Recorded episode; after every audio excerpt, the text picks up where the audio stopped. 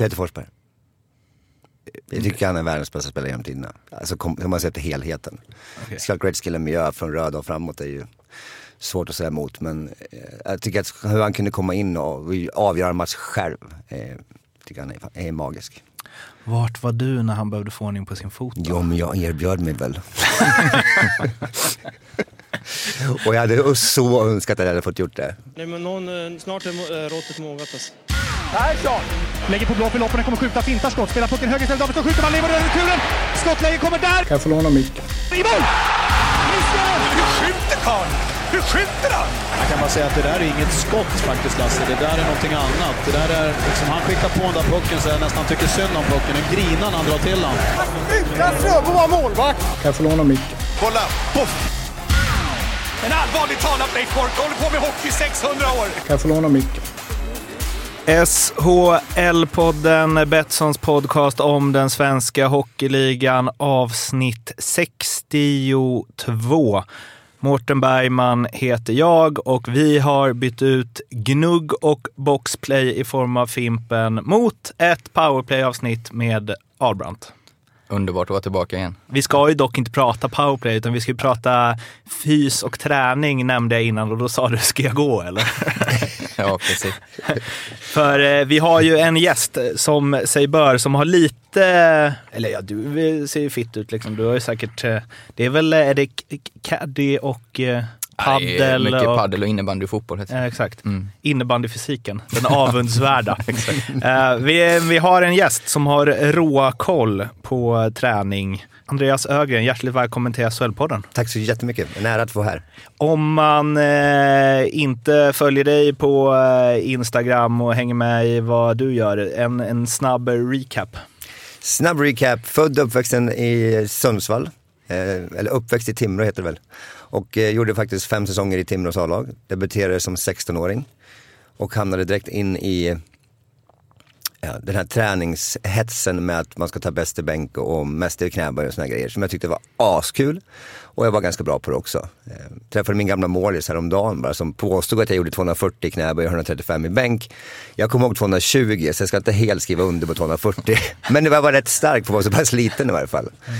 Eh, tyvärr så kom skadorna. Eh, på köpet. Inte bara på grund av felträning utan väldigt mycket dålig kost också. Eh, såklart mina föräldrar var rätt unga när de fick mig så de visste väl inte så mycket bättre heller. Och lagen visste väl absolut ingenting heller att det var viktigt. vet man knappt idag på, på vissa ställen heller. Så det finns mycket att göra där. Så tyvärr fick jag sluta med, med min dröm som, eh, som 20-åring redan. Och jag hade också en ganska kul eh, story är att jag kom in också på Modos hockeygymnasium. Där inför 16 år då, och när man ska börja gymnasiet. Och Kent Forsberg var det som hade hand om rekryteringen. Och då på den tiden fanns det ju egentligen bara Leksand, Modo och Västerås. Mm. Medan de så kallade stjärnorna, talangerna, skulle gå i Modo då. Och eh, jag hade ju växt upp i Timrå, bott på ishallen, eller ladan som vi kallar den för. Och eh, min dröm var att spela Timrås A-lag, sitta i det där omklädningsrummet. Det var ju det jag hade strävat efter, att stå där och fråga efter klubbor och, och hjälpa Mattisen. Och det var en dröm att få bära klubborna in i klubbrummet. Liksom. så att eh, när jag fick då A-lagskontrakt, 750 kronor i månaden och stanna kvar i Timrå som 16-åring så tackade jag nej till Kent Forsberg och Modo. Tyvärr. Och Kent sa, det här är ganska roligt. Eh, Andreas, du är en av Sveriges absolut största talanger men nu kommer det aldrig att bli något. och han hade rätt. det, ja. det, är eh, ett sätt att tackla en nobb. Inte bittert. Inte bittert. Sen så gick jag och jag hade väldiga ryggproblem. Så jag hade tre diskbråck. Eh, en morgon så vaknade jag med ett förlamat högerben och kunde inte gå. Och enorma smärtor. Så att eh, jag vet hur det känns att ha ont. Jag vet hur det känns att sluta med det bästa man vet. Och det som är, som jag försöker jobba med idag, jag jobbar med väldigt mycket ungdomar, det är att få dem att förstå att man inte bara är hockeyspelare. Man är en person också. Jag var bara hockeyspelare. Mm. Så när den smällen kom att den här drömmen är över. Liksom att jag hade fått hört så mycket att jag, jag kan bli bra som helst och NHL fanns ju i skallen. Och, alltså det var väldigt jobbigt ett tag såklart. Och så vart det ganska sur då att ingen kunde fixa mig. Jag bara, svårt kan det vara? jag la i alla fall ganska mycket tid på att försöka komma tillbaka. Även fast jag hade kommit över 20 strecket liksom. Men det gick inte så jag fick lägga skridskorna på hyllan. Och då så var min bästa kompis då fystränare, eller PT var han. Men det här är då 23 år sedan så att på den tiden var det mest PTs för rika och kändisar. Om ens. Mm, okej. Det var väl inget riktigt yrke så jag började väl nästan som PT inom, utan utbildning egentligen mer än där man hade fått på, du vet, i klubben och landslagslägren och såna grejer. Men tyckte att det var sjukt roligt. Jag hade ganska mycket energi och, och så, här. så jag fick ganska bra resultat utan att veta någonting egentligen och bara på energi egentligen. Och sen så har du lärt dig lite mer längs eh, vägen. Man får ju hoppas det på 23 år. Och det ska vi återkomma till. Eh, Men eh, först, ja, vi gör väl en, en fysisk statuskoll hos Stats-Jocke också. Stats! Yes, hallå hallå. Liksom morgonträningen har gått bra och så. Jajamän, varje dag 6.00 ut. Eh, stenhårt. Eller inte. Vad har du att bjuda på idag? Eh, idag har jag gjort, eftersom vi har Andreas på besök, så har jag gjort en liten eh, djupdykning i eh, längd och vikt eh, genom eh, elitserien och SHLs historia och lite sådär hur de största trupperna, minsta trupperna, snitt eh, genom åren, hur det har gått för eh, ja, de som har vunnit guld. Har det varit eh, tunga trupper, lätta trupper, lite sådär. Och sen lite, lite roliga sådär spelare, stora som små. Så att liksom fokus på kroppen. Fokus på kroppen. Intressant. Ja, bra. Eh, vi sitter på helspänn eh, tills vi hör av dig igen. Vi ska ju säga det också för er som inte lyssnat förut att eh, den där gingen ni hörde, den kanske kommer någon gång då eh, Jocke känner att han vill vill utbilda oss eller addera lite extra information till något vi pratar om. För eh, du sitter ju med en dator framför dig och kan googla runt och elitprospekta runt lite grann. Jajamän. Eh, Men först, en faktaruta som sig bör. Fuck. Fuck. Fuck. Fullständigt namn. Andreas Ögren. Inget... Eh, Ja, Alltså, du vill ha mellannamn och Ja, grejer ja, också? ja. Okej, John Andreas Ögren. för att det hade varit, om du inte hade haft det, för jag lyssnade på en intervju eh, i, med Toto Balutto med Patrik Ekwall. Ja. Han hade inget mellannamn. Är det sant? Och det har jag aldrig hört förut, så det hade varit Sjukt. andra gången på två dagar i sådana fall. Ja. Eh, ålder. 43, Var är hemma för dig? Stockholm. Var i Stockholm? Tegnérgatan. Tegnérgatan. Ska jag ha portkod också? Exakt. Det är de, de tidigare har svarat så här. "Ja, det är hemma med familjen och det är, vad är det? Eh, your home is where your heart is. Liksom. Och du bara, Tegnérgatan! Ja! 22. Exakt. Har du någon tatuering? Nej, Kommer du skaffa någon? nej, Ogillar du tatueringar? nej, absolut inte. Men jag känner att jag har kommit förbi det där stadiet. I Okej. så fall så skulle jag kanske ha gjort det tidigare. Då. Ja, okej, okej. Du, kan- annars kan du, ett tips är ju vad du, liksom, vad du tog i bänk när du var 18. Hade ju varit coolt va? Jag sitter ju här eh, med ett fönster rakt mitt emot vår tekniker här som är helgardad på båda armarna. Det är bara vad han har tagit i bänk. Det är liksom varje pass. Så mycket siffror. En person eh, utanför hockeyn som du ser upp till. Min mentor, livsmentor som heter Carl-Johan Malmberg. Vem är, eller vad gör han? Han är ett toppadvokat inom ekonomi. Och eh, har alltid funnits där och varit rätt hård med mig när jag har behövt någon som är hård med mig. Mm. Inte alls ja-sägare och han är toppadvokat så det är väldigt svårt att argumentera emot honom. Men han kan sätta sig ner, jag kommer ihåg när jag startade mitt första AB till exempel och han såg att jag började, det började gå bra. Och eh, då sa han så här, jag åker bort nu när jag kommer hem så ska du hitta en, en riktigt duktig ekonomikille, du ska starta ett AB och det ska vara klart då. Punkt. Mm. Och du vet, skulle jag börja argumentera att jag inte behöver något, det är ju rökt. Så att det var bara, japp, jag fixar det. Det är lite som om man vänder, nu är inte jag någon toppadvokat, men det är lite som så här när man går till eh, ja, men en PT eller typ en naprapat eller något som bara, nu gör du de här stretchingarna tre gånger om dagen och jag kommer märka om du fuskat. Och Ja. sen så bara, åh nej, kommer man på det dagen innan man ska ses igen. bara, ja, ja, ungefär. Ja, typ. Eh, vilket eller vilka lag klappar ditt hjärta lite extra för? Alltså såklart Timrå. Det är svårt att komma ifrån man har växt upp i, i den hallen och i den miljön. Så det är självklart dem. Hur liksom dansar du på bordet när eh, de slog ut Karlskrona i fjol? Nej, alltså jag, ing, jag har all, egentligen aldrig varit så att jag verkligen hejar, hejar, hejar på något, något lag alls. Liksom. Det var, jag tyckte Liverpool var lite roligt för de hade snygga tröjor. Eh, Och jag tycker att Liverpool är ett coolt namn. Eh, Så det, det är mer ditåt. Liksom, Ja. att, Jag har aldrig liksom dansat på, på bord eller någonting. Men jag, alltså jag älskar Sverige när de är i OS och det är VM och sånt där, i vilken sport det än är. Liksom. Jag är den som sitter framför curling också, vet, var fjärde år. och då blir jag glad. ja. Men du satt, Men inte satt och kollade liksom eh, sjunde avgörande mot Karlskrona? Nej. Nej, okej. Så det är inte så jäkla hardcore supporterskap ändå? Inte, nej, jag, nej det är det faktiskt inte. Jag, så, jag såg inte ens sista SM-finalen, tyvärr. Okej. Men när du har, eh, ja, som i landslag, då, eh, jag vet inte, är alla dina, eh, vad säger man, adepter i NHL? Eller? Ja, ja, typ. Om de inte är ungdom Ja. och på väg dit. Men när de då liksom, när du, ja, men i landslag till exempel, Mm. hejar du extra på dem? Såklart. Ja. Och det är likadant när de frågar om jag har ett favorit NHL-lag också. Så kan jag, det har, det har, det har, jag brukar säga, jag hejar på mina spelare. Så ofta, ofta är, det ju, är det ju spelare som möts när jag är där. Jag tillbringar ju mycket tid där borta. Liksom. Då, då, vill jag, ju- då vill jag att det ska bli oavgjort så man får se tre mot tre, vilket är sjukt roligt. Men också att de gör bra ifrån sig, vilket lag, liksom, även om de är i båda lagen. De kanske har gjort något, något bra var och så blir det oavgjort och så blir det vet, skön förlängning. Men, Samoa-agent. Ungefär. Ja, ja. sitter ju också.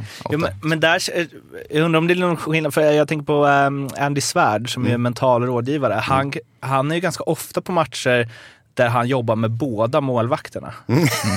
Det är ju, den är ju klurig. den han måste ju vilja ha 0-0. Ja, det måste vara optimalt. Ja. Ja. Men, eh, men samtidigt, för jag, jag frågade honom någon gång hur han liksom hanterar eh, ja, men om ena laget vinner med 6-0, för då ska han först liksom så här Ah, ah, så jag bara, det gick inte och sen så bara high five man! så, eh, och han, eh, jag vet inte, han hade nog inget riktigt bra svar på det. Han bara, "Nej, man får ta det i en process. Och det är liksom, eh, men hur är du där om liksom ena gör jättebra och andra, man måste ju...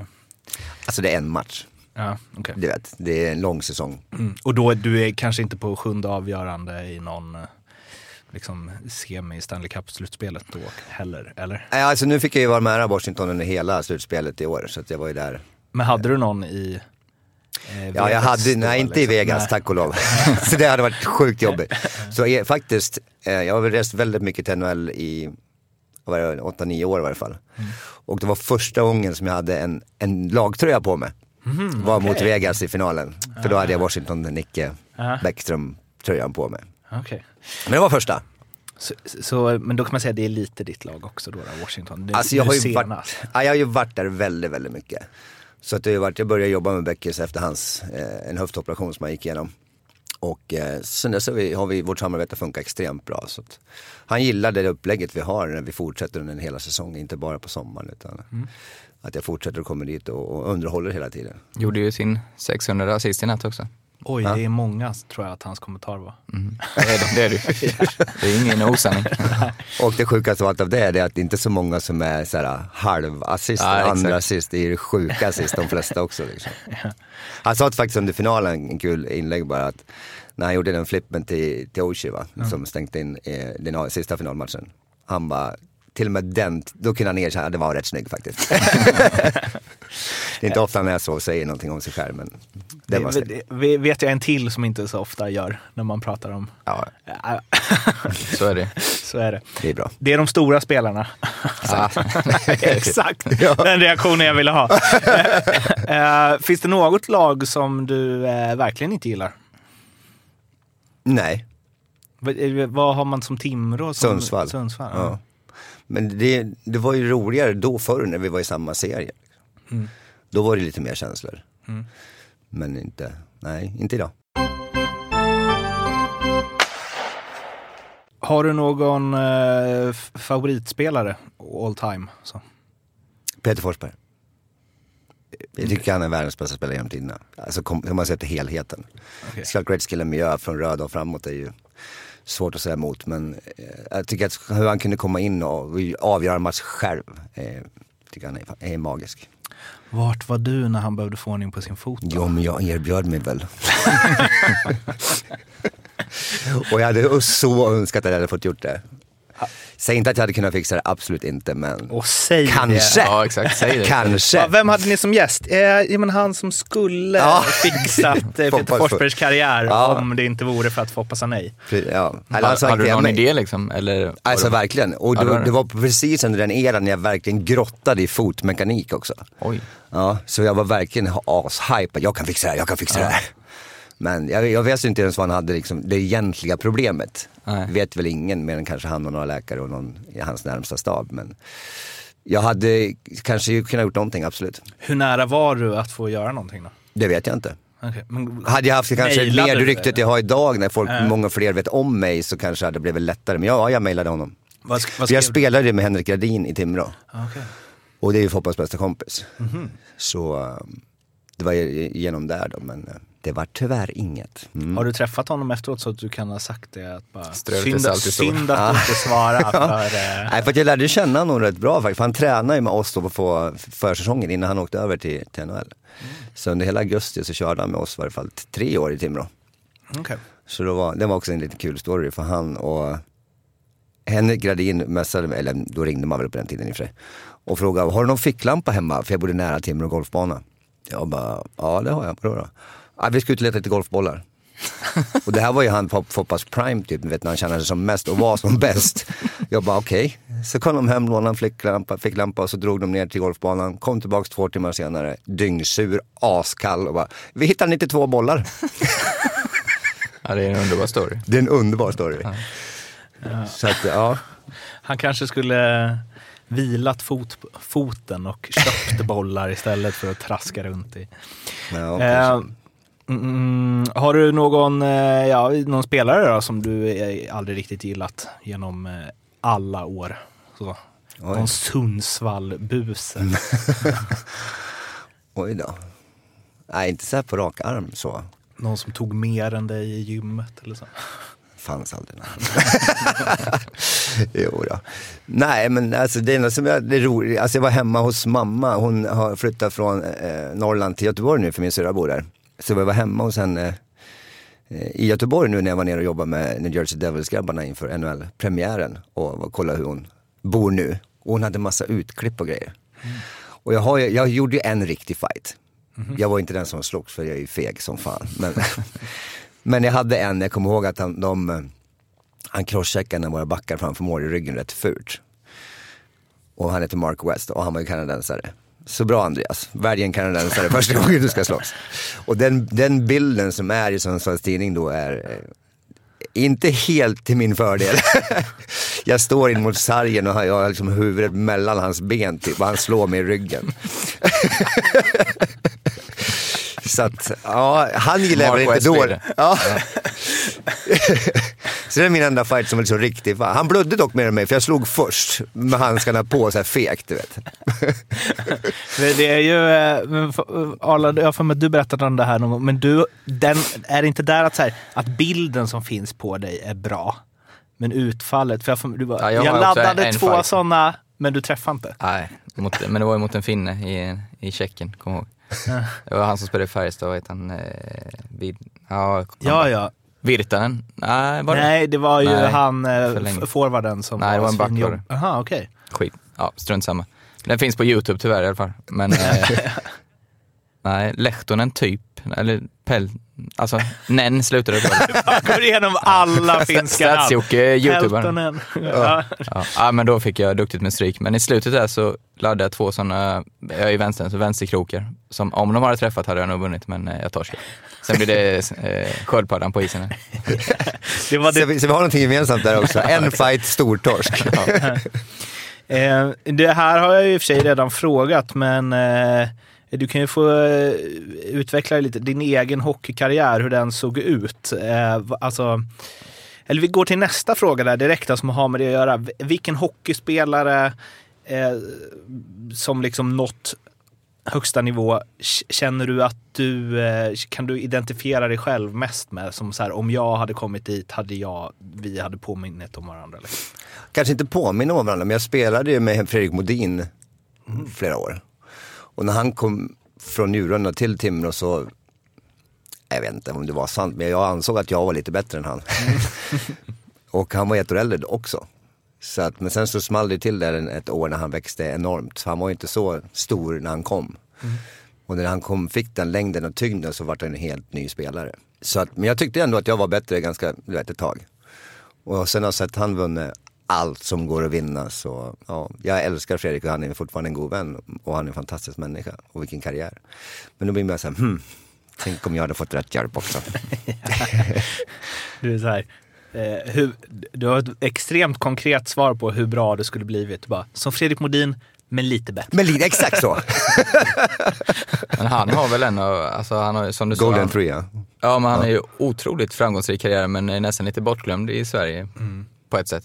Ja, Ja, verkligen. jag tänker på honom med risk för att eh, vara ute och cykla nu, men Elitserien 96 till Sega Mega Drive Mm. så var det, en, det var ju han, Jan, eller Roger, vil- vilka hade han kedja med? Han, Roger Kyrre och Var han i, i Brynäs? Ja, för Ja, de hade ju eh, de hade ju den med Larsson, Molin, Daken. Smurf. Mm. Och sen var det väl typ, ja, vad var den andra? Var det... Krekula kan det vara det? Nej, men Bisset var där då också. Jag vet Ja. i alla fall att jag gjorde liksom ja, men så här 67 mål på 22 matcher med honom någon säsong där. Den säsongen hade också, nu ska vi inte gå in på mina Sega Mega Drive, eh, men eh, Honken eh, som ju stod då vann ju assistligan över en säsong. Men jag måste ju samtidigt ifrågasätta, du som är största Leksandsfanet, då väljer du att spela med Brynäs. Det, Det känns det är ju intressant. som eh, otroligt konstigt. Mamma håller på Brynäs. Så jag var tvungen att göra både mamma och pappa nöjda när jag var 12 år. Här brukar frågan vara, eh, för det brukar ju vara till en eh, journalist, vem är Sveriges bästa hockeyjournalist? Men jag tänker att jag drar det runt, vem är Sveriges bästa fystränare? Fan vad taskigt. Nej, jag måste ju vara osams och säga att det är jag. Mm. Varför då? För att jag har en enormt driv att aldrig sluta lära mig. Och eh, samtidigt finns jätte, jättemånga duktiga. Jag är ganska ironisk nu också. Så det, Hur många är ni som liksom jobbar med eh, ja, men det finns i alla fall säkert en fyra, fem stycken som jag håller i extremt hög nivå. Och verkligen vill framåt hela tiden. Men alltså det, det är sällan du ser mig en, en, en dag där jag har tid över som jag inte utvecklas. Läser någonting, repeterar någonting, hittar nya saker, funderar. Varje gång jag tränar själv så har jag alltid en tanke med vad, att jag hitta på någonting här. Hur funkar det här? Hur känns det här? Kan jag göra någonting bättre för den här? Så att det är hela tiden en konstant tanke på utveckling. Så jag åker faktiskt på fredag till Chicago på att gå en golf biomekanikutbildning. För att jag tycker att golfsvingen är ganska komplex. Och då vill jag lära mig ännu, ännu mer om biomekaniken bakom den. Samtidigt som jag i förrgår anmälde mig till en, en coaching online-utbildning för att bli bättre, ännu bättre på att coacha. Vilket kanske fortfarande är min kanske största grej. Att jag har se människor och kunna lyfta upp varje individ på vad just den individen behöver. För det är ju det svåra. Det är fantastiskt, imponerande att höra sådana män, eller människor eh, som, eh, som har det här drivet. Eh, det, det är få som har den orken och orkar ligga på den nivån. Kommer ihåg ett av mina absoluta favorit eh, moment kan man nästan säga. Men jag pratade med, när jag var i HV, jag pratade med HVs fystränare. Så pratade han om någon eh, läkare, som, alltså han var typ 65 år. Och hade alltså hållit på att forska om kroppen i 30-35 år. Han hade de högsta av de höga eh, utmärkelserna. Och, och då hade han sagt till honom liksom, jag har hållit på med det här hela mitt liv. Jag bedömer att jag vet ungefär 10-15 procent om kroppen. Exakt. Och jag fick, jag ihåg, jag fick så här gåshud på, alltså det var så jäkla mäktigt. Så då, då vet man ju att det finns så otroligt mycket mer och, som ingen vet, som är oupptäckt. Verkligen. Och det, jag sa det, jag höll i en utbildning i helgen eh, så att jag har pratat väldigt mycket under tre dagar nu. Och eh, det är lite ironiskt, ibland så får man höra eh, någon som har sagt någon gång, ja men Andreas tränar bara folk som har bra gener och så har han tur. så den är en underbar kommentar. Så det, det ligger kanske något i det att de har bra gener och eh, ja, klar, man, det är kanske lite mer som Stenmark sa också om tur. Men eh, jag chansar också väldigt, väldigt mycket. Så om, om Per kommer till mig och säger att han vill ha en, vi ska göra det här, jag vill, jag vill ta mig på den här nivån till den här nivån. Så varje pass och varje repetition, varje set och varje övning vi gör. Jag kan inte veta att exakt han behöver 8 reps eller 10 reps eller 9 reps eller vilken vikt. Det är ju, jag chansar ju, såklart. Men med mer, varje år jag jobbar, varje sekund jag jobbar, varje timme som går så får jag ju mer erfarenhet vilket gör att jag får bli bättre på att chansa. Helt enkelt. Och ju mer utbildningar jag gör, ju mer jag läser, ju mer jag vet. För om den där läkaren vet 10% så kanske jag vet 1%, 2% max. För att det är så komplext, det är så svårt. Men så, ju mer jag utvecklar mig, ju, ju större är ju- då att jag chans att jag, att jag chansar rätt. För jag skulle ju säga att åtminstone 80 procent av vad, liksom, vad det finns att veta om kroppen, det är ju hur man skulle fått ordning på Peter Forsbergs fot. Det är det man vill. Det är Palmemordet. Ja, exakt. Det, ja, det kanske är eh, svensk hockeys Palmemord. Det är ja, bra, Bra där. metafor. Ja. SHLs eh, bästa spelare. Ja, alltså jag gillar ju Jocke Lindström. Nu tror jag alla har sagt det som vi har haft här. Är det sant? ja, men han är bra vet. Jag tycker det är väldigt märkligt att inte han får till det i NHL. Fan jag tycker han har det som krävs. Men det är tydligen någonting som saknas. Och världens bästa då? McDavid. Ja, kan vi prata lite om hans eh, fysik då? Absolut. Hur kan man åka så fort på så Ja, kort? det är en jävligt bra fråga faktiskt. Jag vet Men inte. Det, Jag, jag kommer att bryta in, ursäkta. Ja. Men det är ju som de här, eh, alltså McDavid, McKinnon, Gaudreau heter han va?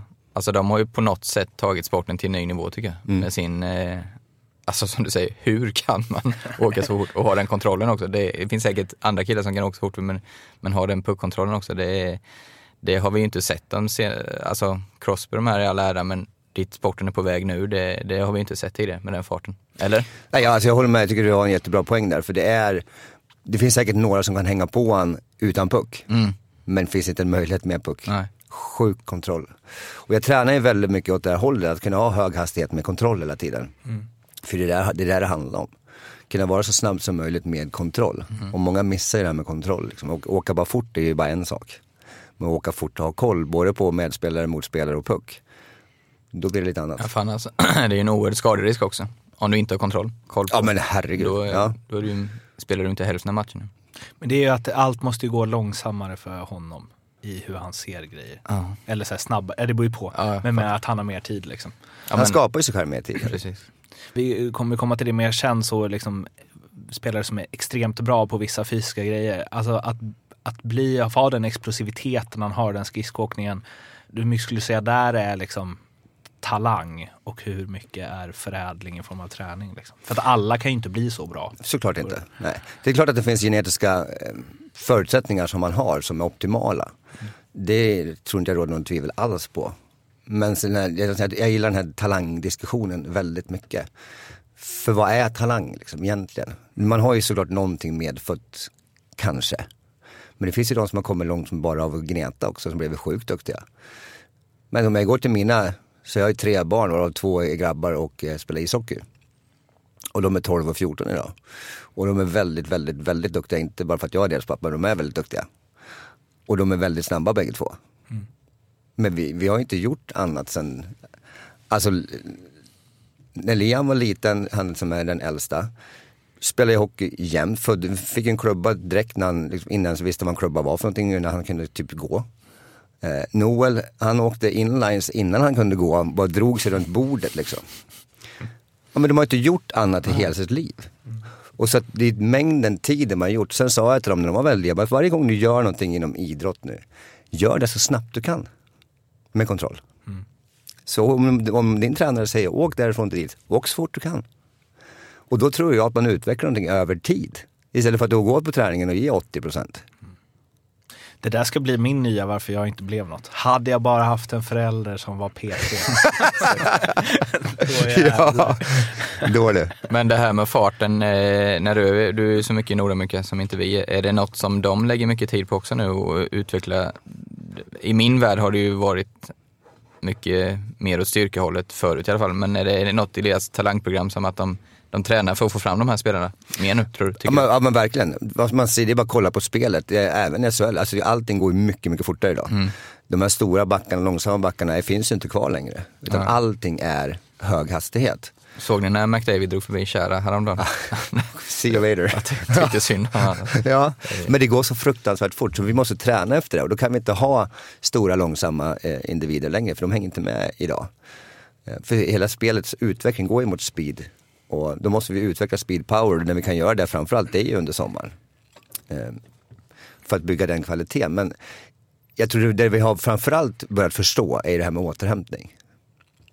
För det är också, alltså de bästa coacherna tycker jag då, i, i ja, överallt, NHL och SHL, är ju de som förstår att om en match ser väldigt dålig ut, att, att grabbarna är trött eller tjejerna är trött, så kanske man inte behöver asmycket skäll och köra extra järnet dagen efter bara för att straffa dem för att de var dåliga. De kanske helt enkelt är trött.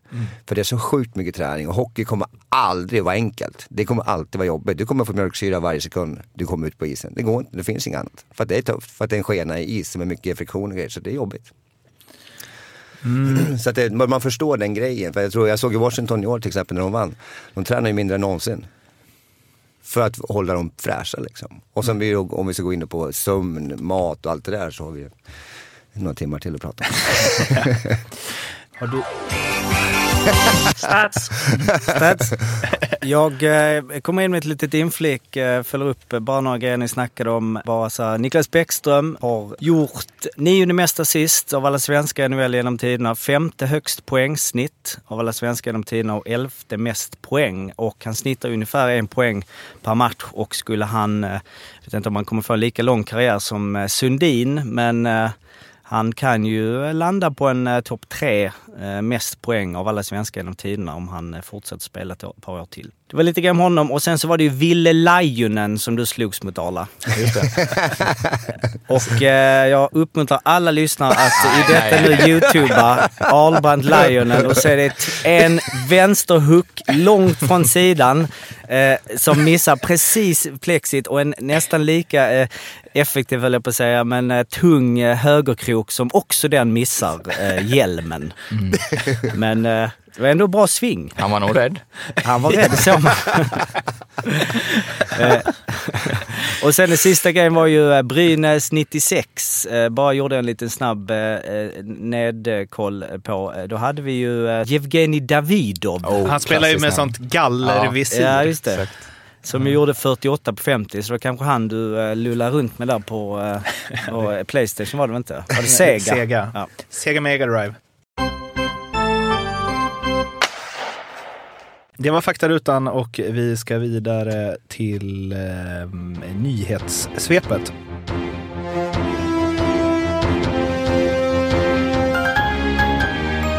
Vi lever för att få se vårt lag vinna och är alltid på plats oavsett om det är SM-final i Skandinavium eller kval ner till Hockeyettan i Björkängshallen. Vi är supportrar till samtliga lag i SHL och Hockeyallsvenskan. Nu har vi gått samman för vi ser att den idrott vi alla älskar är hotad. Så började jag öppna brev till SHL som supporterklubbarna till de 28 klubbar som spelar i SHL och Hockeyallsvenskan har skrivit. Supportrarna har framförallt fem punkter för ett bättre Hockeysverige. Och de är 1. Gör det lättare att åka ur och gå upp i SHL respektive Hockeyallsvenskan. 2. Låt endast sportsliga kriterier avgöra vilka som får chansen att gå upp i seriesystemet. 3. Riv upp alla krav på arenakapacitet för att få spela i respektive serie. 4. Utred en ihopslagning av SHL, Hockeyallsvenskan och Hockeyettan till en enda organisation som kan arbeta för hela svensk elitishockey istället för bara sina egna klubbar. Och 5. Ge landets hockeysupportrar mer konkret insyn och inflytande i svensk hockey. SHL har svarat med en längre skrivelse på sin hemsida där det bland annat går att utläsa Vi i SHL, klubbarna i högsta ligan, tycker att det system vi har idag är bra. Fortsättning lär följa. Brynäs värvade inför säsongen Danny Cristo från KL-laget Dinamo Riga och succé, ja, det har det inte blivit. Med fyra assist på tio matcher har han nu fått foten av den nya tillförordnade sportchefen Andreas Dackell. Vi kommer självklart att ersätta honom. Sedan ska vi vara oerhört noggranna med vad vi plockar in. Vi behöver en spetsig forward och då lär vi veta vad vi får så att vi inte gör något förhastat, säger Dackell. Noel Gunler, det kan vara ett namn att lägga på minnet. Den 7 oktober i år fyllde han 17 bast och i lördags gjorde han ett mål och en assist när Luleå hemma slog Malmö med 3-1.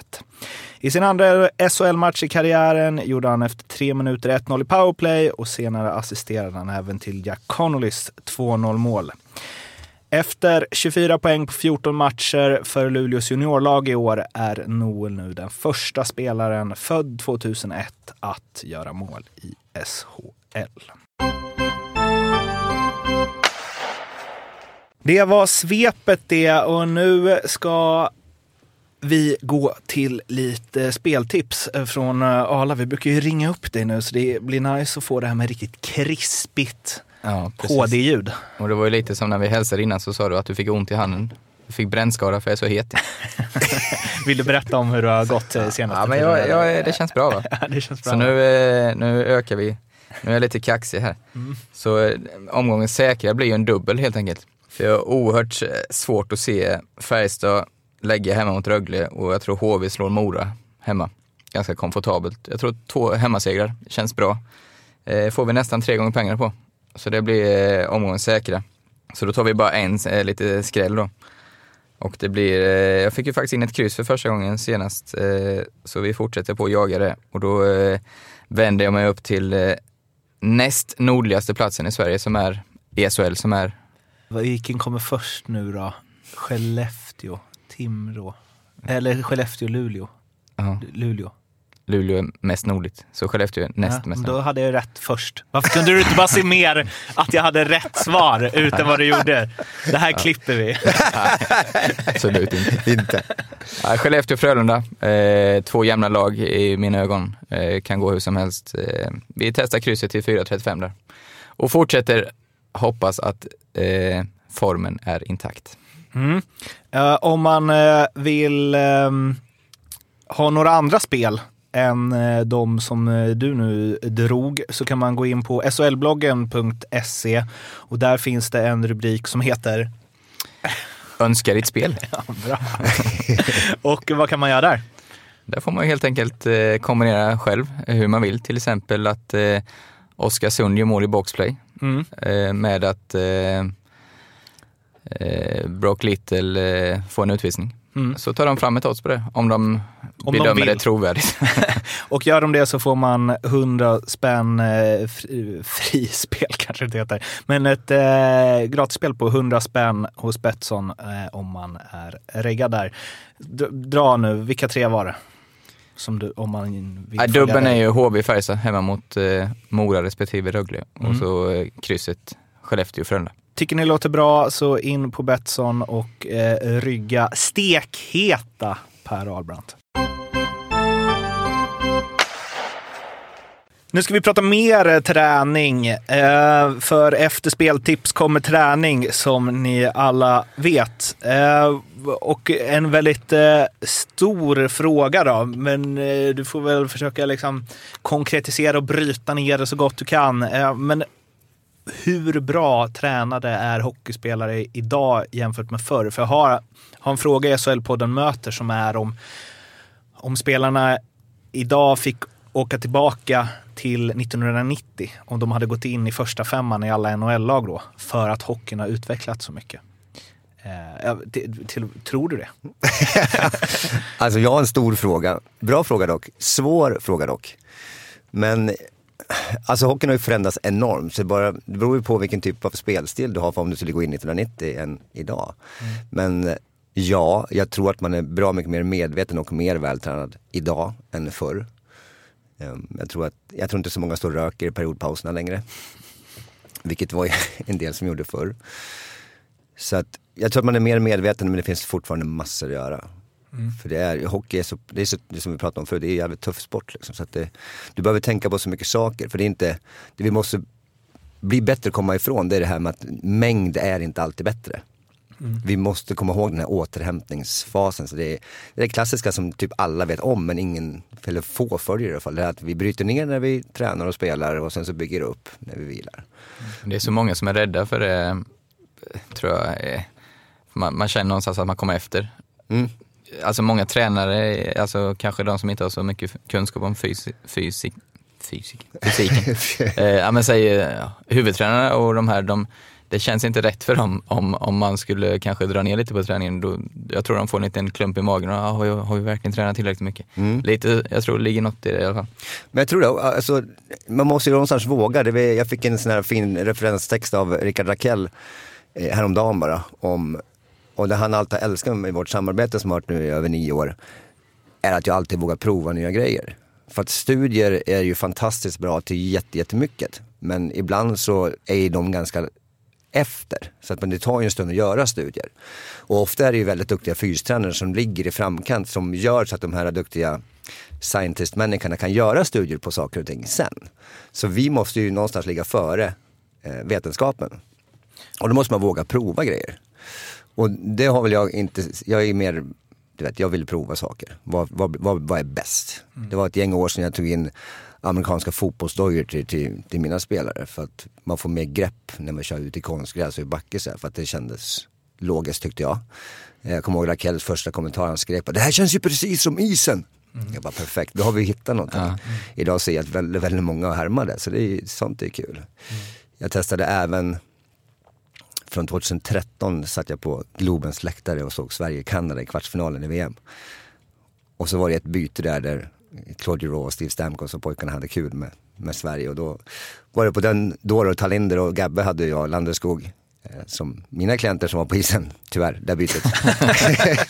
Men det var typ ett sånt två minuters byte, mördare, så de var så sjukt trötta.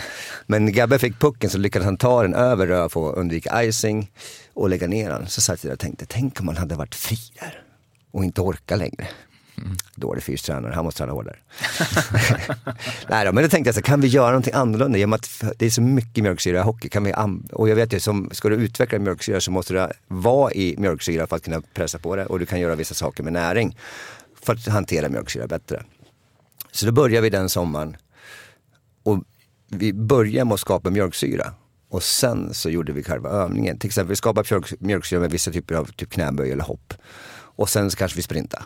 Sen kanske vi sprang upp för en backe. Eller sen gjorde vi tyngre utfall. Eller ännu tyngre knäböj. Så vi, men vi hade mjölksyra först. Och sen gjorde vi. Och det här är så pass tung träning så det här gör man inte mer än en gång i veckan. Gärna nära, kanske helg där du ska återhämta dig för det är extremt tufft. Men det året vi gjorde det första gången så åkte Landeskog över. Han slog återhämtningsrekord i Colorado Avalanche historia.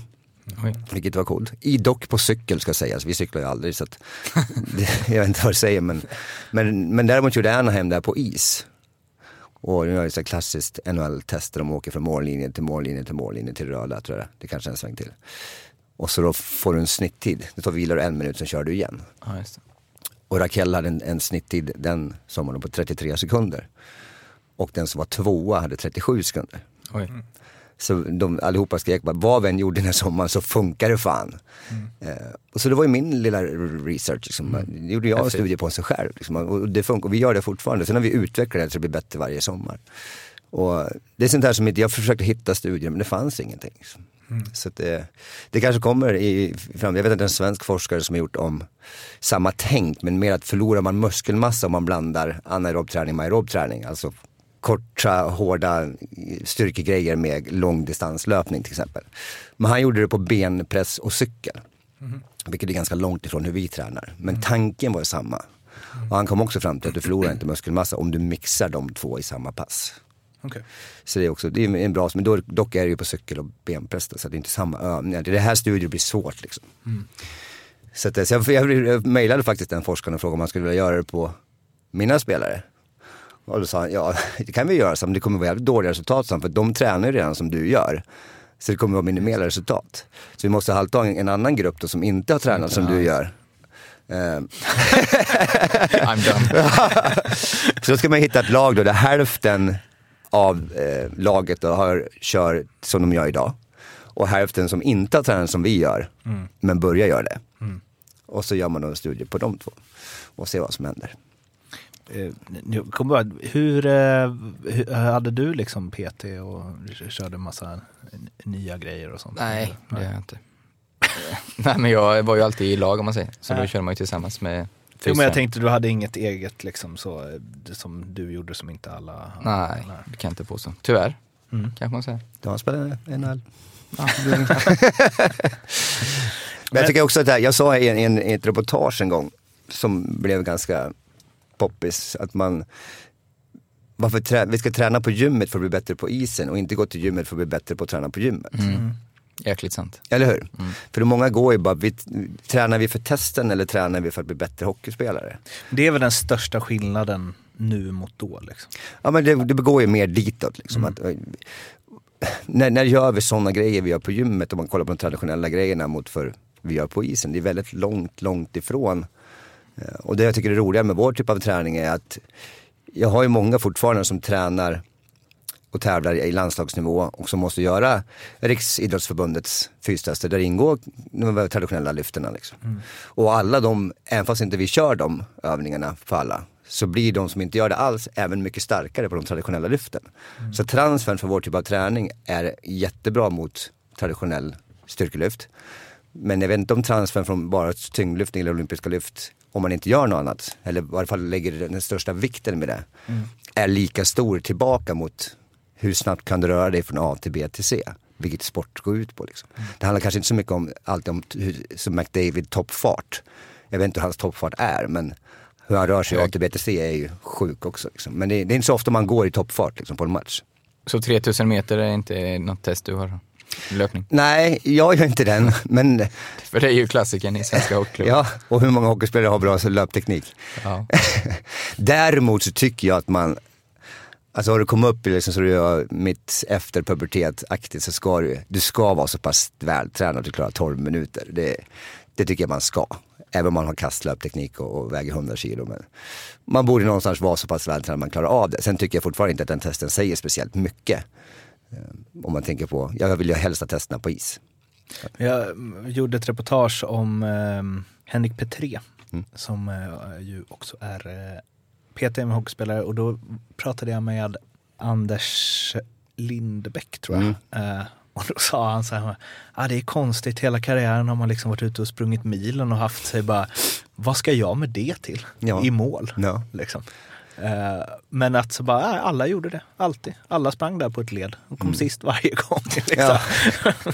Men det är det, om man kommer ihåg, det, det känner du säkert igen det också i, att man, alltså man tränar hela sommaren och så kliver man på is och så är man helt slut och ont överallt. Totalt slut. Ja. För det, liksom, det känns som att, vad fan, alltså det här har jag tränat som ett as hela sommaren. Men det verkar inte, varför är jag så trött då? Och varför har jag ont överallt? För de har inte, de har inte förberett kroppen på de rörelser som man ska använda. Eh, Jag eh, intervjuade Jens Olsson eh, nyligen och då hade jag fått innan från Malmös eh, pressansvarige Christian Winberg att eh, han bara, ah, Jens, han har sån jävla eh, hockeykropp liksom. Han, kan, han tränar typ minst men är ändå krossar på alla tester och så. Och han sa att anledningen till det var, vilket är så här, första gången jag hör typ en hockeyspelare säga, men han bara, äh, det här nya nu liksom. Han bara, jag tror att äh, jag har alltid lyft, lyft tungt, lyft mycket, fått en bra grund och liksom. Men han bara, ungarna idag gör inte det. Det är ju liksom, de ska ha rörlighet och så. Och då tänkte jag så här, fan vad konstigt att höra någon prata om det på det här sättet. Ja, men, men det jag tänker att det ligger i det är väl så här, ja, han har väl förmodligen, han har ju aldrig varit skadad typ. Så han har väl en jävla grund antagligen. Och liksom genetiskt. Men han var helt så här, nej jag, jag, jag lyfter tungt. Ja, Men alltså vi lyfter tungt också, man ska inte komma bort från det. Alltså, alltså lägger du, om du skulle ta ett, om man, om man kommer bort ifrån fotpositionen och traditionell knäböj. Så om vi gör en split knäböj, så alltså fötterna är isär istället, så vi vi är uppe på över 55 kilo per hantel på ett ben. Det är 110 kilo på ett ben. För jag måste alltid tänka så här, vad är risk och reward på en övning? Om det är då, vi säger då 90 kilo på ett ben, då ska jag, om jag ska ha det på två ben så måste jag ha över 180 kilo på knäböjen. Eller hur? Sen är det viss procent som går bort på det bakre benet, fine. Man säger generellt ungefär 15 procent. Men ändå så är det ju, det krävs, det krävs 160 kilo knäböj, eller 170 kilo knäböj. För att vara ungefär likadant för, på ett ben. Men om jag tänker då skaderisken och hur många hockeyspelare Per har du sett med klockren knäböjsteknik? Ja, det är väl eh, på ena handens fingrar. Ja, på en hel karriär som har varit fantastiskt. Och det, det, alltså då är det ju en, en övning kanske inte helt optimal om man inte kan göra den. Jag har absolut ingenting emot traditionella knäböj med stång på ryggen om du kan göra den perfekt. Alltså, eller i varje fall så bra som det minimerar risken för att bli skadad. För om du har 160 plus kilo på, på nacken och så komprimerar ryggraden rätt mycket utan med bra teknik. Då är det ju nära för att det kan hända någonting. Och gör det över tid. Jag vet, jag vet ju bättre än någon som fick förstöra min karriär på grund av det. Mm. Så Ja. blir det så, om du blir trött då, om du, som du gör då där, om du har två hantlar på nedansidan knäna istället och lyfter då kanske, då, säger vi säger då 90 kilo på ett ben. Och man tänker så här, blir benet, benet trött före ryggen då? Eller kommer ryggen bli trött före benet? Om du har så mycket vikt på ett ben så tror jag att ryggen kommer att klara sig ganska bra och benet kommer att ta helt slut. Men om du tar, ska du stå på två ben och så ska du upp på 160 plus kilo. Kommer ryggen ta slut först eller kommer benen ta slut först? Speciellt om du inte har jättebra teknik. Och då, om jag ska, i och med att hockeyspelare har så starka ben, hur ska jag kunna bli, göra dem starkare om inte ryggen då hänger med mm. på de vikterna liksom? För det är, oftast är det ryggen som tar stopp. Mm. Och Men jag tänkte på det här med, med Jens där och alltså, som jag tycker vissa idrottare, alltså det, det, det är häftigt. För det är vikt, eller något som är otroligt viktigt är ju verkligen tro på det man gör också. Verkligen. Nästan, alltså, han, han är ju helt övertygad om att det är hans grej. Han intalar sig själv, det, det jag blir bäst av det här. Jag läste en intervju med Stina Nilsson, den fantastiska längdåkerskan. Hon sa, ja jag kan ha en tränare men han eller hon kommer aldrig få påverka mer än 10% av vad jag gör. För det, för det, det bestämmer jag liksom, för jag, jag vet vad som är. Och bara den övertygelsen om att tro eller veta vad som är bäst för sig själv, det tror jag lyfter en många procent. Verkligen, det finns ett ett ord du sa nu, eller två ord är det väl, som är väldigt inne i det här med, med buy-in. Att man ska få atleten att köpa det du säger. Så, så jag är ju verkligen där att om du tror på den här typen av träning som vi håller på med så blir det sjukt mycket bättre, såklart. Istället för att man, och därför älskar jag att jobba med idrottare som verkligen ifrågasätter det vi gör, frågar mig frågor så jag får utbilda dem på deras kroppar, hur de fungerar, för det är exakt så man vill ha det. De känner sin kropp så pass väl att de vet exakt vad de vill ha, vad de behöver. Jag har ingenting emot någon övning egentligen, för det finns få liksom dåliga övningar egentligen. Det finns däremot väldigt många felrekommenderade övningar till fel individ vid fel tillfälle. Och det är då vi kommer in kanske då. Och som vi pratade om, om vi pratar om tunga knän nu, så att har man då bedrövlig teknik så kanske inte det är just du som ska göra den övningen. Medan då kanske Per har grym teknik, om då kan han väl göra den övningen.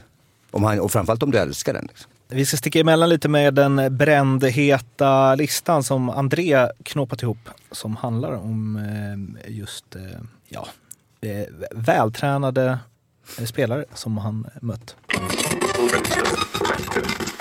Hallå, hallå hockeyvänner. Då var André Brännheden tillbaka här igen med den brändheta listan. Idag eh, har jag förstått att ni pratar om träning. Träning är ju ganska viktigt för att lyckas som framgångsrik elithockeyspelare. Jag har listat tre av mina medspelare som jag har eh, som jag tycker har varit sådär extremt fysade, extremt vältränade. Monster i spåret, monster i gymmet, eh, you name it extremt, extremt bra tränade. På tredje plats Mattias Sjö Sjögren. Stor kille, mycket tyngd. Händer som dassalock, mer sån här bunna-styrka ni vet. Sån här rå styrka som man liksom... Man tappar luften bara man går nära dem och blir ihopknycklad som en komprimerad boll när man brottas med dem. Sjua är en sådan. Kom ju upp i, i A-laget här som ganska ung kille och hade då inte många som ändå matchade hans vikt och längd. Jag var den enda. Han fick bära runt på mig hela tiden. Upp och ner för trappor och göra olika brottningsövningar med mig. Det tyckte han ju var kul. Jag tyckte inte det var lika kul att bolla med sjua för det lyckades jag inte så bra med. På andra plats har jag satt Robert Robban Karlsson. Det är Södertäljes egen Arnold. Eh, extremt tränad. Eh, bra på löpa, snabb på löpa. Bra i gymmet. Fettprocent minus skulle jag säga. Själv stod man och gömde sig bak duschdraperiet när den här fettången kom fram. Nej, det gjorde inte Robban kan jag säga. Han hade ju ingenting att skämmas för. Eh, det gick ju knappt att greppa tag i något fett på han. På första plats Daniel Josefsson, en kille jag också lirade med i Tälje. Lite lik Robban i, i sättet. En ganska liten kille men alltså fantastiskt fysad och en snabbhet och en explosivitet som jag inte har sett på, på någon annan av mina medspelare faktiskt. Som jag har fått lira med här genom åren. Grymt, grymt bra tränad. Och har ju en kropp som är kanske som en alla killars drömkropp. En sån här, eh, du vet, han bollar under med kettlebells och med hantlar och med allt möjligt. Han bara flyger under. Training DJ kan man följa han på om man vill se lite av vad han håller på med. Gillar ju Crossfit bland annat. Det kan ju tyvärr inte jag göra i och med att jag opererar min bröstmuskel. Så kan jag inte göra crossfit, typ burpees och sånt. Skitradigt ju. Mina grabbar också, min äldste grabb är åtta år nu. Han är också inne i träningssvängen nu. Han går runt här och säger att han har ett sixpack på bögen. Pappa då kontrar med sitt big pack. Ha en fortsatt god vecka här så hörs vi. A bientôt. Det var eh, ord från Ängelholm det. Eh, om vi ska fortsätta på det vi snackade eh, om tidigare, Andreas, så har jag lite alltså det, talang kontra träning och vi var inne på det innan hur man pratar om talang. Men eh, när jag intervjuade Mattias Rittola så berättade han att han under i princip eh, hela, alla ungdomsår, han har alltid varit med i pojklandslag, det flöt på. När han sa det när han hade sommarträning, han bara, jag tyckte jag tränade som fan. Och då hade han varit ute och sprungit eh, fyra kilometer och gjort lite armhävningar. Liksom. eh, men också att han hade en fysik som, även om han inte gick in i gymmet på två månader, så bänkade han ändå samma grej som innan. Eh, vad, alltså hur långt är din uppfattning att man kan ta sig på ja, grundtalang och grund, liksom, genetik kontra att träna lika? Alltså på Ja, jag, tror, sätt? inte- jag tror inte att du tar det någonstans. Okej. Jag tror att det är, du måste ha, du måste träna, ska du komma liksom NHL-nivå, du måste träna massa extra. Utifrån Rittola då, som ändå spelat i NHL och ändå själv sagt att så här, han sa ju det när Wikegård kritiserade honom, sa han, jag önskar att Viken hade sagt det där för tio år sedan istället liksom. Och bankat in i mig att jag, man måste ge allt. Han har ju ändå, han har ju ändå kommit liksom topp i SHLs poängliga och spelat i NHL. På vad han säger är liksom, ja, slapp träning. Ja, jag tycker man, om du frågar han på riktigt hur mycket han har stått ute och skjutit och hur mycket han har dribblat och hur mycket han har gjort extra. Förmodligen håller på med andra sporter och fått den här variationen. Att- det finns ju hur mycket forskning som helst som säger att tidig specialisering är inte bra. Men om man då, som till exempel mina kids, de vill bara spela hockey. Dels för att vi varit lite så här, när de var sex och åtta så försökte vi få in dem i en fotbollsförening för att spela fotboll på sommaren och hockey på vintern. Men man fick inte för man skulle spela året om. Man bara, kom igen. De vill, de vill latcha på sommaren och spela fotboll. åtta, det är helt Sex och otroligt. åtta, ja. Så det, är ju, det är ju katastrof. Eh, Så att om du inte då vill hålla på med en till sport, då måste ju fysträningsdelen vara extremt varierad för att få in alla de här komponenterna som du behöver ha för att utveckla både spelsinne, kroppskontroll och alla de där grejerna som man behöver för att komma långt. Så om du grottar ner i Rittolas karriär alltså tidigt, vad han gjorde då, så kan jag lova att han har gjort mycket saker som är varierat. Håller på säkert med flera sporter. Och på så sätt då blivit bättre. Fast han kanske inte såhär, ja jag sprang extra några gånger. Kanske inte gav så mycket. Men allt det där andra han gjorde tror jag var kan, jag tror att Playstation kan vara bra till ett visst sätt också för de ser hur det, speciellt hur utvecklat det är idag. Att man ser hur de lirar powerplay, man ser hur man vet, upp, uppspel och såna här grejer. Shit vad jag kommer ta med mig det. Sitter liksom en PT till NHL-proffs och säger Playstation kan vara bra. Man bara yes, check. Ja, till en viss nivå. Nej, men till, alltså, jag tror, du måste ha, du, du, du bör stå ute på rampen och nöta och nöta och nöta. Och sådär. jag frågade Burakovsky, liksom, hur mycket sköt du när du var, när du var ung? Han bara, nästan 600-800 skott om dagen. Men, men som att Ritola sa ju att så här, när han kom upp till Skellefteå att det blev något helt annat. Och då sa han att liksom, det var skönt att orka. Han bara, jag var inte slut efter ett byte längre på Exakt. samma sätt. Och, men han hade ju ändå ha- haft en NHL-nivå innan det som ju måste landa i spelsinne, bollbegåvning. Såklart. Alltså, Som man säkert byggde upp under unga Ja. år med att göra olika saker. För han spelar säkert tennis och fotboll Mm. och massa sådana grejer för, för att öka det. För jag har svårt att säga att du bara får ett svinbra bollsinne med att göra en grej. Sen finns det alltid undantag. Mm. Jag tror att Tiger Woods bara har spelat golf till exempel. Han är hyfsad ändå. Så det finns alltid undantag till, till allting. Men, men jag tror att man behöver dels göra vad tränaren säger i laget såklart. Eh, Dels kanske göra lite mer extra själv men vad, man bestämmer för sig själv, vad är mitt mål? Alla vill inte bli NHL-proffs heller. Man ska inte glömma bort att spela hockey för att det är kul, det är fantastiskt. Det är alltså 0,0028 procent i varje årskull i världen som hamnar i NHL. Det är inte asmånga liksom. Så det är inte helt lätt. Så det är såklart så, men det är så sjukt mycket saker du behöver göra för att, för att komma dit. John Odoja och jag tränade ju under typ, jag tror nio år. Och han sa ju till mig, att, för han är ju extremt noggrann med i synnerhet kost och återhämtning och vila och så här. Och han sa till mig att jag är så glad att inte alla gör som jag gör, för då hade inte jag haft något jobb. För han insåg att han, han kanske inte har hockeyspelandet på samma nivå som många andra. Men när han gör det här extra utöver det så tar han sig själv upp ett par nivåer till som gör att han kan vara NHL-back och vunnit två Stanley. Och haft en fantastisk karriär. Liksom. Häftigt. Mm. Lite så eh, kortare konkreta frågor kring det här då. Eh, Mm. Om ett, eh, säg ett bottenlag i allsvenskan, eh, Hockeyallsvenskan, som är topptränade mot ett eh, topplag i SHL som är lite så slarvat. Vilka vinner den bästa av sju där? Bra fråga. Bäst av sju så tror jag att det blir tight. Det är så? Ja, det tror jag. Hur länge får, har de hållit på med det då? Eller Ja, det är- mycket- om i den här frågan. Ja, absolut. Men det, Är det ett år eller? Ja, absolut. Ett år. De menar bara käka chips ett år. Ja. Det största, typ, eh, vad säger man, råämnet som du har sprungit på eh, som liksom fysmonster utan att ha tränat så mycket kanske? Liksom. Jag tror att alla tränar ganska mycket. Men, Men- alltså, men jag inte förstår vad du menar. Jag, annan, ja, jag förstår vad du är ute efter. Jag tror att eh, jag har två ganska bra exempel. Jag dels Gabriel Landeskog såklart. Han, jag tränade han från, i tio år, från att han var 16. Eller om han var 15 då på sommaren och fyllde 16 i november. Han var ju, han var ju en biff redan när vi började. Det är inte alla som är biff vid 15 liksom.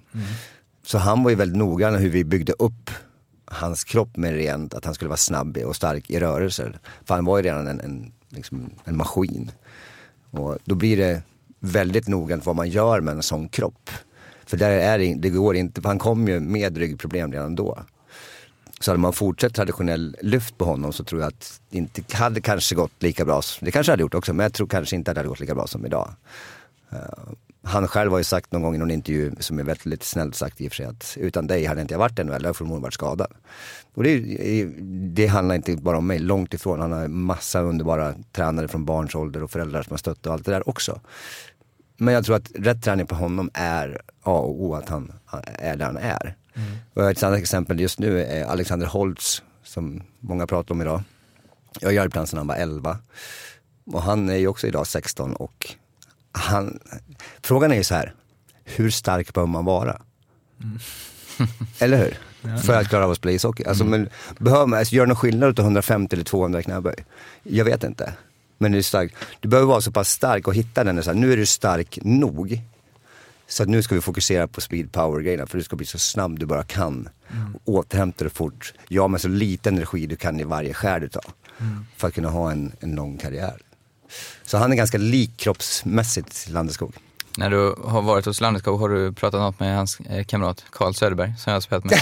Där snackar Ah, vi ja. råämne alltså. Där är det Jag har hört, det jag sjukaste. någon väldigt rolig story om hans, att, att han ställde in någon träning för att hans papegoja var sjuk, eller fågel var sjuk. Ja, det har nog hänt.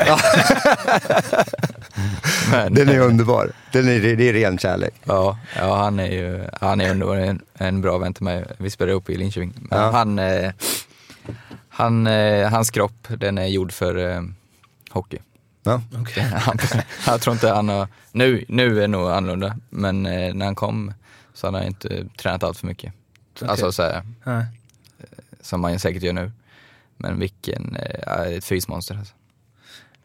Det, det tänkte jag inte om honom. Jag, tänkte, jag ser bara han som en lirare. Jo men Eh, han, eh, Det var för att han hade allt Ja, annat. precis. liksom. Ja. Det beror ju också på lite grann så här, vad har du växt upp med liksom? Alltså om dina föräldrar är hantverkare till exempel och jobbar mycket med kroppen så då får varit med när du växte upp. Mm. Så gör du, du gör så mycket saker som inte du tänker på att det är träning. Så om du följer med farsan eller morsan och hjälper dig att flytta liksom tegelgrejer eller du, gör, du flyttar extern massa från ett ställe till ett annat. Så kommer du, då blir, du bygger upp, eh, man kan gå jättedjupt in i sådana här grejer. Men man bygger upp saker i kroppen som gör att du blir starkare på sikt. Om man, om, du har säkert tagit någon sån här kanadensare framförallt, sådana här farmer boys som har växt upp på en farm och jobbar. När man tar dem med hand så har de större händer. Och de är bara stark, liksom. de är så här råstark du vet. Och det beror på sådana grejer som man har gjort när man var yngre för att skapa ett starkare, vi kallar det för fascia i vår bransch, alltså bindväven i kroppen. Som består av, vi gör det lite nördigt, består av kollagen som är kroppens vanligaste protein. Och kollagen per gram är starkare än stål. Så då börjar man förstå att det betyder någonting. Och det är därför jag vill att man ska vara jävligt stark i rörelser. Men vi tränar också tungt som fan i vissa rörelser. Och lite lättare i andra rörelser. För kroppen vet ju inte om om det står 2 kilo eller om det står 150 kilo. Kroppen har ingen aning, den bara känner, okej, hej, här är det tungt. För om du ska komma upp i höga vikter, höga belastningar, så är hastigheten kanske nummer ett. Jag var nere och, och jobbade med tyska alpina förbundet.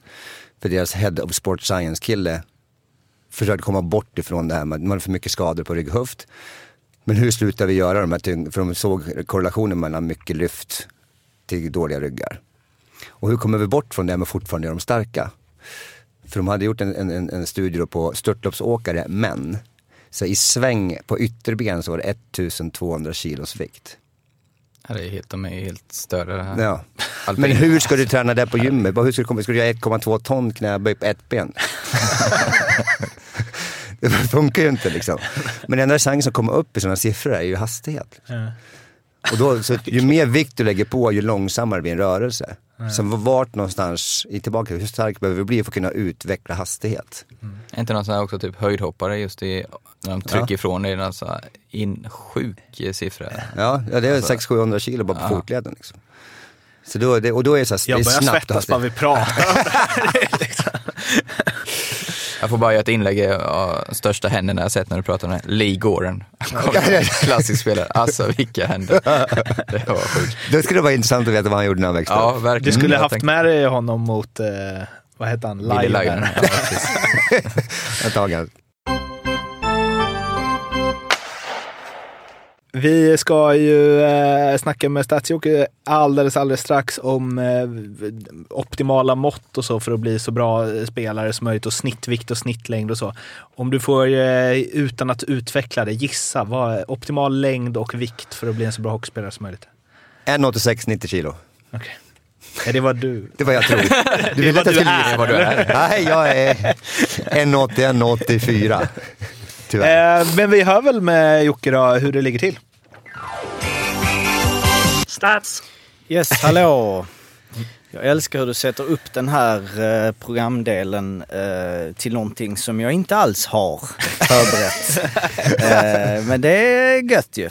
Nej men eh, vad jag har gjort eh, då är ju lite mer generella eh, liksom, siffror på eh, lagen, SHL-lagen genom åren för att se om Alltså att spelare har blivit större är väl ingen... Eh, det, det kan man väl bara se. Men eh, lite sådär om det finns några intressanta grejer. Och eh, ja, men om vi börjar på, så här, på 70-talet så var eh, eh, spelarna i snitt 1,81 och vägde 81 kilo.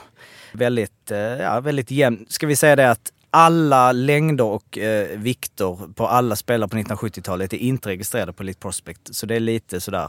Eh, men det var ungefär så. Sen på 80-talet så blir, eh, eh, då börjar liksom, det är fler eh, kilon som är registrerade sådär. Så då eh, är ungefär samma längd, 1,81 är spelaren ungefär, men eh, 83,4 kilo Eh, i snitt. Och eh, om man tittar på de svenska mästarna, nu ska jag säga, nu har jag kikat på årets, alltså de 14 SHL-lagen i år och hur det har varit över tid eh, över dem. Ja, men av, av sex stycken eh, eh, svenska mästare på 80-talet eh, så var det fyra stycken som var längre än genomsnittet. Alla var tyngre. Än, då är det ju ett genomsnitt på hela 80-talet. Så det är ju en, ja, det är en siffra eh, som är, eh, eh, eh den finns där. Och sen så har jag även kollat sådär, jag har ju räknat alltså vikt i relation till längd. Eh, på, eh, som sagt på 70-talet var man ungefär lika lång som, eh, eh som man vägde, 81-81. På 80-talet är det då liksom 2,14, det vill säga man väger två mer än, ja, ni fattar, man väger 83 kilo, 1,81. Eh, och sen så på 90-talet så är det uppenbart att då börjar det ju eh, bulkas på. På 90-talet så är man i snitt 1,82 lång, 87 kilo eh, studsar det upp till då. Det är lite intressant då att man kan tycka att eller liksom intressant vilka lag som vann då. Det var det faktiskt åtta av de tio svenska mästarna under eh, 90-talet var dessutom tyngre än eh, 87,2 kilo i snitt. Där det tyngsta var Luleå 95-96, där ditt, eh, ditt, eh, de spelade inte med antar jag på Sega Mega Drive då. Åt- 89,08 eh, kilo. Och sen så på eh, 00-talet, ännu tyngre, eh, fortsätter att bulka på. Dessutom längre spelare, 1,84 är vi uppe på i snitt, 88,8 kilo under, no, från 2000 till 2010. Där eh, HV eh, var de två tyngsta. 0304 och 0708 uppe på 89 kilo i snitt. Och då är det ju också eh, 5,1 eh, i, vad ska man kalla den, koefficient, det vill säga att de är ju 5 ja, kilo mer än längd. Men sen så har de minskat på 10-talet. Eller längre spelare, för det går upp lite, så det är de längsta spelarna eh, över tid. Men eh, två kilo ner i snitt på alla SHL-spelare. Så 86,9 kilo är eh, snittet på 10-talet. Du nickar Andreas, låter det som du trodde att det skulle Ja, låta? det gör det. För det var ju, det var ju mycket större spelare då. På 00-talet där, då, var det då skulle man ju vara stor och stark och, och det var ett rätt och alla de grejer. Det var inte så mycket snabbhet som det är idag. Sen så gissar jag på att det går, i och med att det går fortare idag, att man inte väger lika mycket idag. Ja, och det ser vi ju ännu mer tydligt i år då, där eh, i år är snittet eh, 1,83, alltså längden förändras väl inte, det kan man ju inte riktigt träna sig till. eh, eh, men snittvikten i årets SHL är 85,6. Så att eh, det är ändå, eh, jag menar, tre kilo i snitt per spelare eh, ner i år jämfört med på hela 00-talet, vilket ju är ganska mycket. Och eh, om man tittar bara lite på ehm, ska vi se eh, här, ja precis. Och i, och i årets eh, SHL så är det Malmö som är både längst och tyngst. 1,85 i snitt, 88 kilo. Tunga att möta. Minst är Brynäs. De är i snitt 1,82 och väger 84 kilo. Så eh, lite skillnad där. Om man ser historiskt över alla år, i, liksom i alla trupper eh, och eh, drar ett snitt då på, så har ju Örebro den längsta truppen. Det är också en siffra som kanske inte...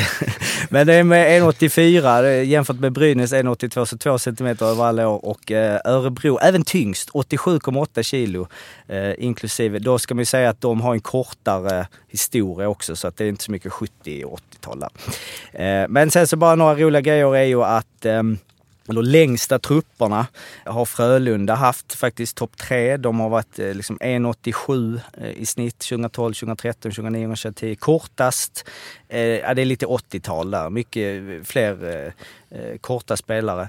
Och sen så eh, har vi ju eh, ja, tyngst trupp i relation till, eller vad ska man säga, mest kilo i relation till sin längd. Eh, var Mora på 2000-talet. Eh, vet inte om jag tänker på så mycket. Man tänkte ju, alltså när, under lockouten till exempel är det då den tyngsta truppen i relation till, tung, till längden. Men där kom de väl från en semester, eller? Alla lockoutspelare. Gamla. Ja, precis. Eh, 91 kilo i snitt på en eh, Eh, 183 centimeter eh, lång, eh, långa spelare. Tyngst trupp genom tiden var Linköping 2008-2009, 92 kilo i snitt. Oj. Eh, tunga grabbar. Och sen så kollade jag lite på så här spelare, eh, de tyngsta och längsta spelarna, vilket ju man gled ner i ett litet rabbit hole som jag inte trodde skulle så. Men eh, den längsta spelare, hockeyspelaren genom tiderna är ju då eh, Manute Bowl, eller hur man ska uttala det. Eh, men det är ju en liten, eh, vad ska man säga, en parentes på honom, för han är ju då 2,31 lång. Eh, men så tänkte jag, vad i helvete, har han spelat hockey? Men då var det ju en eh, basketspelare som gjorde en match eh, för eh, välgörenhet. Så det var, eh, var inte riktigt. Däremot så är det roligt att, att på lite Prospect trycka in sådär plus. Man kan ju tyvärr inte trycka in mindre. Det är ju, jag älskar mitt Elite Prospects men det finns lite, vissa brister att man vill, jag vill kolla de lättaste spelarna. Så här, men så här, plus 150 kilo och så klickar man in. Och då finns det ju eh, inga där faktiskt. Men det finns ju... Eh, det, finns ju några, det finns ju några tunga, eh, liksom, tunga grabbar lite här och var i. Det är inte så mycket, det är inte så mycket NHL, vad fan, nej just det, över två meter. Vänta, jag, eh, jag är strax klar. Jag ska bara ta fram den här för det var lite roligt. Man hittar lite sköna eh, så här eh, i division 5 och... Eh, men nu, nej, nej, nu har jag tryckt in draftad, det var därför ingen kom upp. Eh, nej men så här, plus 120 kilo eh, så finns det ju eh, liksom ett gäng, till exempel, eh, jag vet inte om han känner till honom, eh, eh, eh, Eh, Fimpen, eh, Björn Randahl, eh, 2,13, väger 130 kilo. Spelade i, i Haninge Anchors eh, där i division 5. Eh, men ehm, sen är det ju Chara som är den som sticker ut av de bästa spelarna genom tiderna i hockey. Så är han ju den största med sina 2,05 och väger 113 kilo. Vad heter den här rackaren i Winnipeg? Jag tappar namnet. Han Ba- måste ju... Dustin Bufflin. Bufflin ja. Ja, han måste väl väga en del. 112 på han. Men han har väl gått ner massor tror jag. Ja, okej. Eh, hans eh, statistik i nuläget är att han väger, eller på ett pros- prospect så är han 118. Jaha, okej. Så att Han har han gått är- upp sex kilo. Ja. Han är ju nog stor. Eh, och ehm, jo, nej, men jag glömde säga det innan där, men också som är intressant med det här med hur eh, tung och lätt trupp. Det är ju faktiskt att om man tittar på de lättaste trupperna i SHL genom tiderna så är det ju mycket 70, jag har liksom sorterat dem 70, 80-tal, 80-tal. Men sen så kommer det faktiskt innan då, då är det liksom Brynäs trupp i år är ju en av de eh, lättaste trupperna på liksom Ja, det är mest 70-80-tal innan. Och sen så kommer det ju ett koppel där. Frölundas trupp i år också väldigt eh, eh lätt, 83,8 kilo. Växjös trupp 84 kilo. Så att den trend som jag väl har eh, spanat in är väl som eh, Andreas eh, ja, var inne på och mycket riktigt eh, liksom känner att det har blivit lättare. Får man väl säga om den nya hockeyn med de små spelarna, där Gaudreau och Gaudreau är det som uttalar det. Eh, att, och det kommer bli ännu lättare. Och sen så vill jag avsluta med, som jag bara fick så här what? Och som jag ber alla att gå in och eh, eh, elite, prosta på, eh, elite prospekta på eh, Mustafa Lemieux. Eh, som jag blev lite nyfiken, vad är, vad är det här för en kille? Som ju då är född i eh, Australien och, och, slash Libanon. Och eh, är då 1,62 och väger 129 kilo. Och så tänkte jag, ja, okej. Och sen så, eh, han har ju ungefär i snitt 600 utvisningsminuter i test och det var där jag bara, ah, okej, Testville Pink Panthers. Och då står det uppe mycket riktigt, det här är då en test eh, liksom Elite Prospect-spelare. Så jag blev väldigt besviken. Och där det också finns citat under, du vet det står sådär, oh Will he's a, he's all-round defense, blah, blah, blah. Då står det bara liksom så här. I never see him at home and when I go to the rink he's not there either. I think he's having an affair. Wife nummer fyra. Men det var ju ingen riktig spelare då tyvärr. Synd. Jag såg en framtida klient hos eh, Andreas där som tar sig an. Ja. Upp Två- på skärmen här. Två kilo per. Så det var det, det var lite rörigt idag, men då fick ni lite... eh, Och det, det du sa, öppna allting med den optimala vikten längden. eh, Ja, det var, har jag inte tagit reda på då Nej. eh, i poängligan och Det så här. Men det kan vi blir göra att det- Andreas kommer tillbaka i vår istället. Ja, det blir bra. Ja, det var Stats-Jocke med eh, massa längd och vikt och så vidare. Och eh, ja, eh, vi tar väl vid där eh, han eh, slutade med att eh, du är hjärtligt välkommen i vår igen. Vad kul, Så kanske vi kan eh, ha lite slutspelstema på fysen där och hur man ska behandla kroppen under ett slutspel och så vidare. Jättekul att du kom hit. Tack så jättemycket för att jag fick komma. Eh, Arla, Ja. kul att du kom hit. Ja, tackar. Körde inte hit i onödan. Körde inte i onödan den här gången heller. Eh, och vill man ha mer av dig så finns du ju på solbloggen.se där du skriver om att Ja, jag har inte läst det senaste, men av rubriken så känns det som att du någonstans drar en lans för lirarna. Man behö alla behöver inte jobba hem. Nej, men jag det? blev lite irriterad när eh, Samuel Fagemo fick skit för att han i mitt tycke hade ett bra spelsinne och fick, åkte till sitt friläge. Men då tyckte experterna att han hade fuskat med hemjobbet.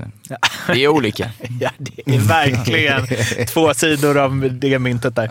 Ja, eh, och där eh, skriver ju även eh, André och ni når oss på Twitter där det är att SHL-bloggen och vi blir ju superduper glada om ni prenumererar och gillar och så vidare på iTunes och Acast.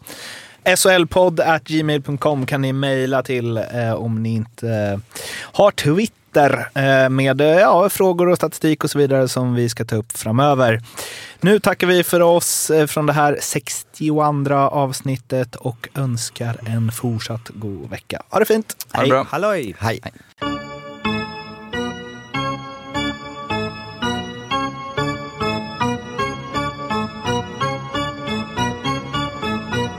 SHL-podden görs av mig, Mårten Bergman, tillsammans med Joakim Österberg för Betssons räkning och produceras tillsammans med SMT Radio.